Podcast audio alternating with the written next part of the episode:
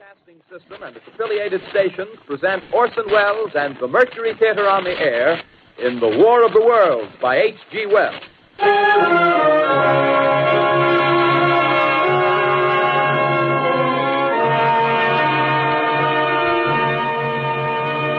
Señoras y señores, interrumpimos nuestro programa de baile para comunicarles una noticia de última hora procedente de la agencia Intercontinental Radio. A las 8 menos 20, hora central, el profesor Farrell del Observatorio de Mount Jennings de Chicago, Illinois, comunica que se han observado en el planeta Marte algunas explosiones de gas incandescente que se suceden a intervalos regulares. Les informamos de que el Departamento Meteorológico del Gobierno ha solicitado a los más importantes observadores de la nación que mantengan su vigilancia sobre cualquier otra perturbación que pudiera ocurrir en el planeta Marte.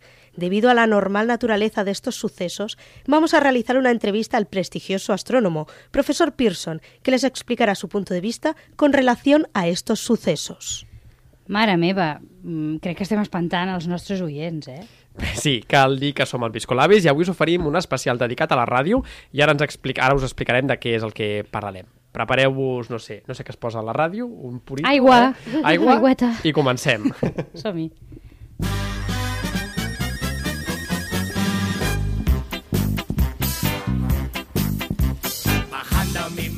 El Piscolabis del Cultius, el podcast que et deixarà amb ganes de més.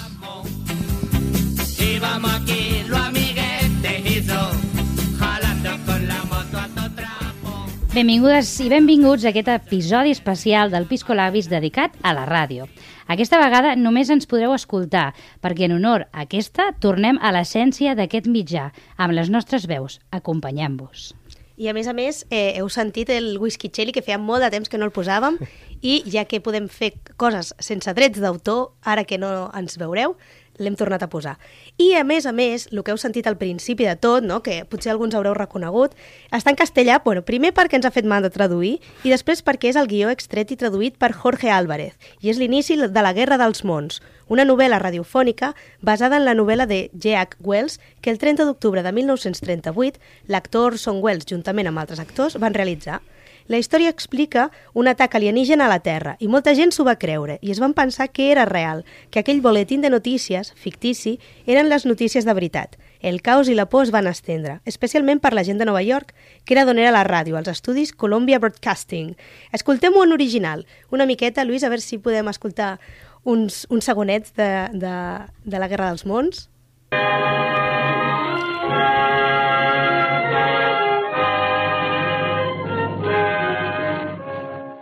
Ladies and gentlemen, the director of the Mercury Theater and star of these broadcasts, Orson Welles.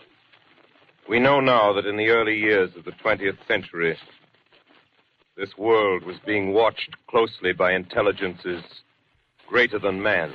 Molt bé. És, és graciós, no? No, cal, no cal més rato, no cal més rato. Ja, ja l'escoltareu perquè, a més, eh, hi ha un altre podcast que, que, farà, que farà també uh, la, tota, tota la Guerra dels Mons, no? No sé si ara estic fent spoiler, però la qüestió... És, Per més és, informació us podeu dirigir al podcast Te lo digo todo, només a Podcast City. Eh, heu vist aquí fent falques entre naltros. És graciós veure com moltes persones van caure en el caos i en l'agòbio de les masses, que amb el temps ja es va veure que tampoc va ser tothom tothom, eh? Però ens fa reflexionar sobre com ens afecten les fake news i com podem deixar-nos endur per una angoixa social. Les fake news que han estat sempre amb nosaltres. Eh? El programa El condensador de Fluzo, per exemple, eh, uh, ens explicaven en un capítol que a les guerres d'Egipte, Mesopotàmia, etc., ja es donaven notícies falses per desmoralitzar o desestabilitzar l'enemic. Aquí, el 1938, la gent, es, la gent es va maxiagobiar. Es van pensar que realment estaven sent atacats per marcians. Bastant graciós, o curiós més aviat, no? I em recorda molt algunes novel·les del segle XIX, com ara una novel·la de Goethe, no? que és el, Les penes del jove Werther, eh, que és una novel·la en forma de cartes d'amor fictícies. Sí que és bastant ba- autobiogràfic, però és ficció. I eren unes cartes no, que envia Werther a una noia i que no el correspon. I es diu que molta gent va pensar que era veritat i que es van suïcidar de la pena que sentien pel personatge. Mare meva, tu. que també dius, joder, vaya tela, no? Sí, sí. Eh, sí que és veritat que al principi del recull epistolari diu que, ui, sí, aquestes cartes les vaig trobar en una caixa misteriosa, vaya, vaya, però és un recurs literari que en teoria ja se sap que és mentida. És aquesta idea de que ja sabem que és ficció, però faig veure que no és ficció, no? jugant amb aquestes dues coses una mica aquí el que fa Orson Welles, no? tornant a la Guerra dels Mons, eh, fan veure que no, pots creure tu no, és, és el joc de l'ambigüitat. I en aquest cas, que la gent ja sabia que en aquella cadena, a aquella hora hi feien radioteatre, que es van, es van deixar endur per la massa de les persones agobiades. Eh, I per acabar, per acabar aquesta miniseccioneta que he fet, acabarem escoltant la versió per al musical que Jeff Wayne va fer als anys 70 i que és puro temazo. Una miqueta, que això és temazo màxim.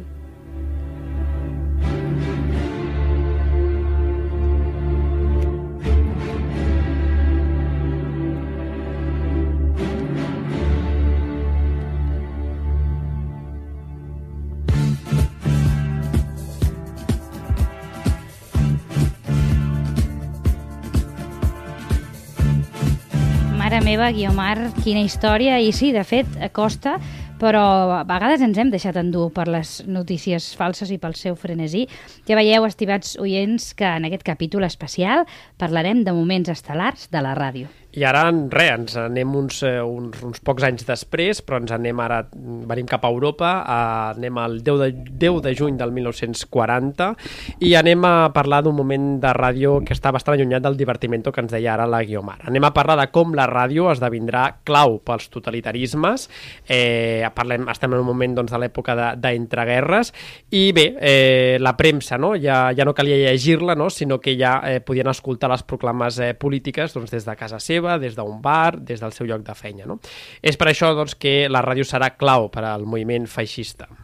Bueno, i és molt possible no, que en això també tinguessin alguna cosa a veure els futuristes. No entrarem ara en la polèmica de feixisme-futurisme, però el 1933 Filippo Marinetti, eh, que és el, el cap dels artistes futuristes, va, ser, va fer una proposta de convertir la ràdio en un canal artístic més, és a dir, una ràdio futurista que pretenia radiar art. Exacte, exacte. I de la mateixa manera també tindria alguna cosa a veure no? que el propi Mussolini venia del món periodístic. De fet, encara que pugui semblar una bogeria, va arribar a dirigir l'Avanti, un diari d'ideologia socialista, abans que ell mateix eh, s'inventés això de, del feixisme. És per això que des de, la, de les primeres mesures que va fer va ser la de controlar la premsa tot exercint una, una censura que li permetés poder utilitzar la ràdio i la premsa en general pels seus propis interessos. Però de tots els mitjans, la ràdio va ser el mitjà preferit per Mussolini, ja que a través d'ella la seva pròpia veu podia arribar a tota la població italia- italiana i per això va prioritzar la instal·lació suficient d'antenes per poder transmetre els actes multitudinaris en directe. El lloc habitual d'aquestes escenografies era Piazza Venezia de, de Roma, on tenia la seva oficina, la qual sempre tenia una llum encesa per donar la idea que treballava les 24 hores, i aquell mateix escenari va ser l'escollit el 10 de juny del 1940 per declarar la guerra a França i Gran Bretanya, o el que és el mateix, per anunciar la seva entrada a la Segona Guerra Mundial.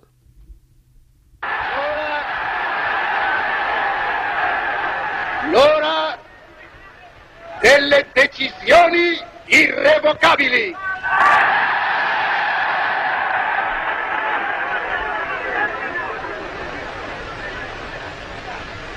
La dichiarazione di guerra è già stata consegnata agli ambasciatori. Eh, d'aquest discurs es poden extreure milions de coses i per això l'utilitzo sempre a les meves classes, però malauradament no tenim suficient temps per entrar en el, en el que diu, en com utilitzar paraules com poble, nació, per portar la gent a morir a una guerra, així que em centraré en la performance radiofònica.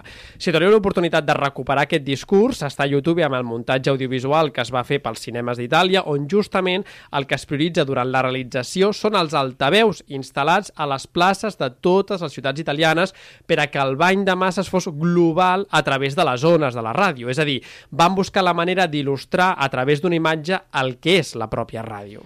De debò que tot plegat deixa bastant mal cos, especialment escoltar aquelles ovacions no?, de la gent a cada frase de Mussolini, no? una ovació que l'estava fent la mateixa població que acabaria morint eh, un temps després durant la guerra. Exacte. I, bueno, malauradament marxem d'una guerra per anar a un cop d'estat. Ens situem en 1973 i a Amèrica Llatina hi havia diversos governs d'esquerres i entre ells un de plenament democràtic com era el, liderat per Salvador Allende a Xile.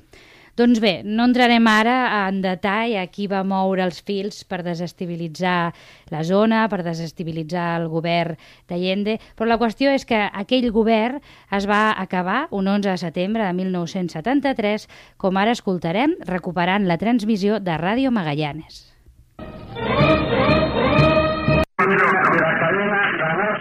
Esta será seguramente la última oportunidad en que me pueda dirigir a ustedes.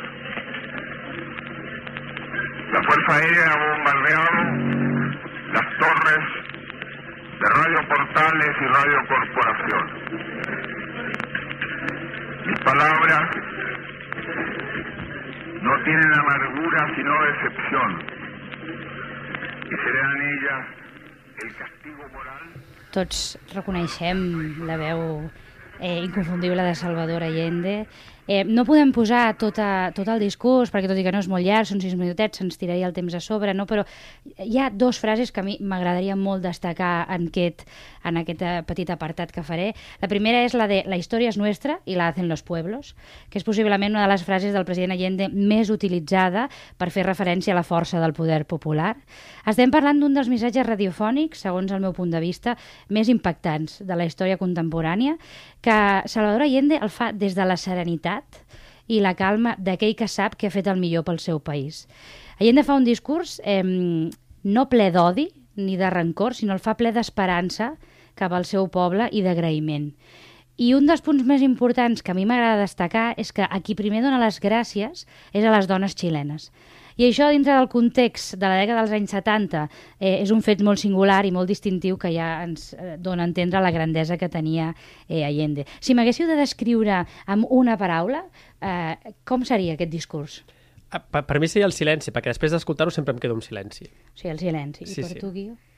Clar, no ho sé, però clar, com, com, com emocionant, no? com fort, perquè és, és com no sabent tot el que va passar després. Exacte. Sí, sí, sense Sí. cap mena de dubte, no? Eh, de tot això n'extraiem una mica la llibertat, no? I lligat a la idea de llibertat, m'agradaria citar la frase, segons el meu punt de vista també, que és més bonica i que té més força de tot el discurs, que és, eh, ja gairebé al final, no? quan ha donat les gràcies a tothom, etc. diu, sigan ustedes sabiendo que más temprano que tarde, de nuevo, se abrirán las alamedas por donde pase el hombre libre para construir una sociedad mejor que crec que és una frase que recull molt bé l'esperit I és de... molt maca i molt poètica. I molt bonica, poètica, sí. no? Bueno, Salvador Allende era metge, però era un gran, eh, era un gran malabarista de les paraules i era gairebé un poeta. I clar, no podem parlar d'Allende sense parlar de Víctor Jara, cantautor xilè que fou segrestat, torturat i assassinat per la dictadura d'Augusto Pinochet l'any 73 per formar part del Partit Comunista xilè i per la cançó i la música que feia. Eh, la música de Jara eh, cantava la senzillesa, el dia a dia, la vida, al poble treballador, a l'amor, a la llibertat i a la seva estimada Xile. I és per això que, juntament amb Allende, són dues de les figures, eh, cadascuna dintre del seu camp d'actuació, més destacades dintre de la història contemporània a Xile i més estimades també, jo crec, que al llarg de tota la història. I acabarem amb uns segons de la cançó que es diu Plegària a un labrador.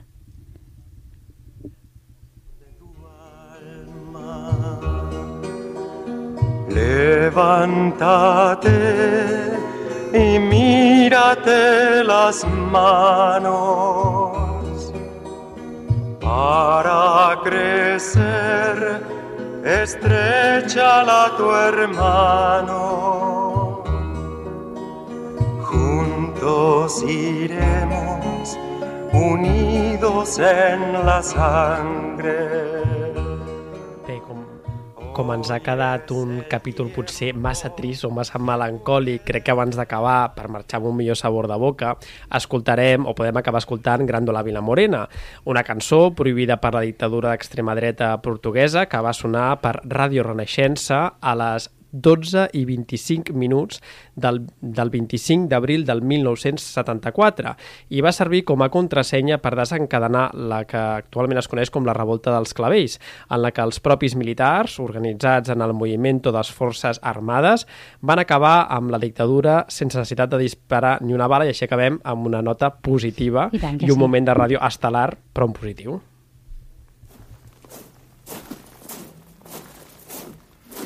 Gràndola Vila Morena, terra de fraternidade. O povo é quem mais ordena dentro de ti a cidade. Dentro de ti a cidade.